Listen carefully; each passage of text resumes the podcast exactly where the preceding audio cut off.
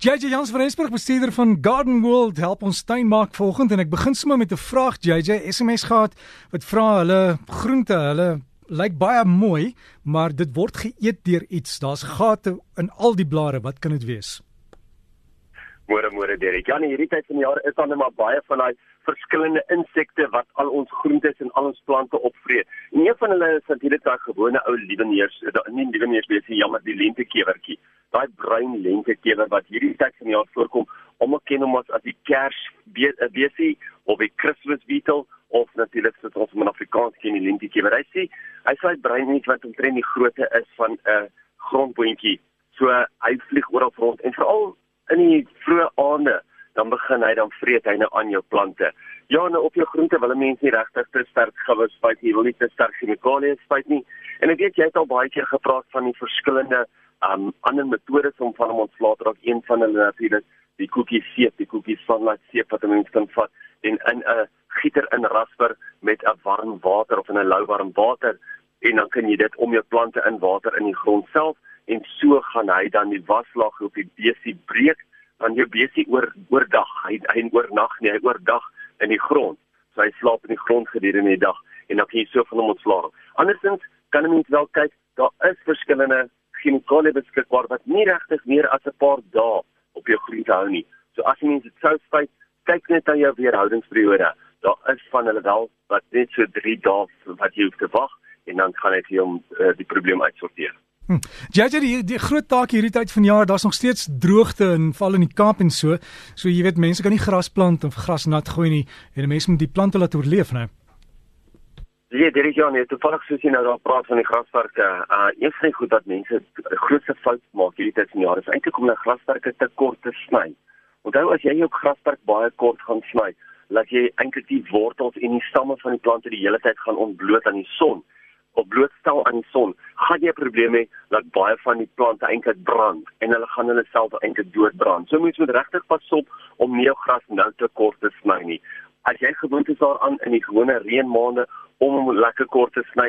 Stel jou grasne dan miskien net 1 of 2 net hoër en hou hom eerder 'n klein bietjie langer sodat die plant self net 'n klein bietjie meer skaduwee aan sy wortels kan bied. Ek meen dit is tog ook een van die hooffunksies hoekom die grasperk se blare het, sodat hy wel skaduwee aan die stamme en aan die wortels van die plante kan bied. So maak seker dat jy nie nou jou gras te kort sny nie. Ek sal dit dis ook nou as ek al my somersaailinge geplant het, sal ek nou deur gaan en gereeld elke tweede derde dag sal ek my plante nat gooi met 'n oplosbare voedingsstof. Hier praat ons van 'n gewone 316 of iets van daai aard wat oplosbaar is waarmee jy jou plante kan voer. Hoekom oplosbaar? Want dan word dit baie vinniger deur die plante geabsorbeer. So ja, jy kan baie van jou saailinge sal op hulle eie floreer, sal op hulle eie aangaan en sal op hulle eie blom net met jou gewone kunsmis wat jy gegooi het, maar onthou as jy dit nou gaan voer met 'n oplosbare kunsmis of 'n oplosbare bemestingsstof, gaan jy soveel meer uit hulle uitkry. So dis baie belangrik vir my oog om seker te maak dat jy nou gereeld voer en gereeld al daai dooie blommetjies uitbreek tussen die. Somergroei is ook nou hier en as jy nou jou plante gaan voer, gaan jy baie beter groei kry. Jy weet, so gereeld kry dat mense sê hulle wil 'n vinnige groeiende struik wil hulle langs die muur afplant of as 'n heuningplant of iets van daai aard maar nou dat dit tyd is om dit te voer, om dit dig te kry, om meer uit jou plant uit te kry, kyk mense nie na hulle plante nie, want die lewe is te besig. Hulle gee nie altyd om oor hulle plante hierdie tyd van die jaar nie, want dit reën mos, daar is mos genoeg, dit is mos lekker warm, maar onthou jy kan nou soveel meer uit jou plante uitkry deur gereeld te voer en gereeld nuwe blare te forceer. Dit ek so met die nuwe nuwe blare wat deurkom is daar ook geweldig baie ou blare wat op die plante sit. En ek praat nou spesifiek van jou broodbome, jou boomvarings, jou palmbome en dit is nou die regte tyd om weer te gaan en heeltyd skoon te maak. Onthou, as daai blare afgegaan het, as daai blare geel is, dan beteken hulle niks meer vir die plant nie. Ek kry so veel dat mense vir my vra, hoorie so jy, my plant lyk sleg, al die blare is geel en hulle hang en hulle lyk nie asof hulle weer gaan regkom nie. As daai blaar geel is en hy hang, dan dan kan jy maar net sowel van daai blaar ontslaa raak dis nou nie 'n uh, blare dood gegaan het soos met die broodboom of met die palms nie, maar net gewone blare wat net geel is en hang. Hulle kan jy maar afhaal want solank as wat daai blaar groen is, kan hy nog steeds fotosintees en kan hy nog steeds vir die plante kos produseer en dit is baie belangrik. Laaste enetjie vir vanoggend is mense wat altyd sukkel met hulle African violets. Weet jy African violets is eintlik so 'n maklike plant om te hê in die tuin of in in die huis.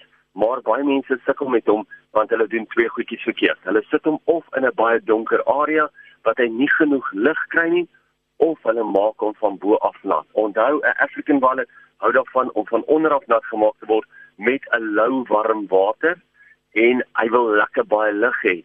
As jy hom ergens kan sit waar hy nie veral in die agtermiddag baie sterk lig kan kry, gaan jy groot sukses hê met jou African violet. En JJ, is dit waar dat dat katte daarvan hou om te pieps op hierdie plantjies? Ek is seker van katte sal, maar weet jy wat nee, ek dink as jy hom ergens op 'n vensterbank of ergens sit waar hy uit die pad uit is, dan gaan jy daar nie daai probleme hê nie. JJ, alles van die beste en ons moet ook maar kyk vir die luise hierdie tyd van die jaar en as daar luise is, moet jy ons maar die mure aanspreek want hulle bring die luise, né? Dis korrek, die die luise en die mure lewe in simbiose met mekaar. So die luise dra en word eintlik rondgedra deur die mure omdat die mure van die luise se afskeiding, daai soet afskeiding lewe, dit vir hulle 'n lekker ny. So ja, mens moet altyd kyk na die twee. Ek kry baie gereeld dat mense my sê, maar ek het verskriklik baie mure wat op en af in my potplante of in my bome inloop. Dan sê ek hulle, "Kom kyk uit vir die plantlyse." Dis wat wat die mure agterna is. So daai twee wat lewe altyd saam met mekaar. So kyk maar as jy die ene sien, gaan jy teen teen die ander een ook sien. So gesels JJ Jans van Rensburg, bestuurder van Garden World. As jy wil e-pos is JJ by gardenworld.co.za. As JJ by gardenworld.co.za.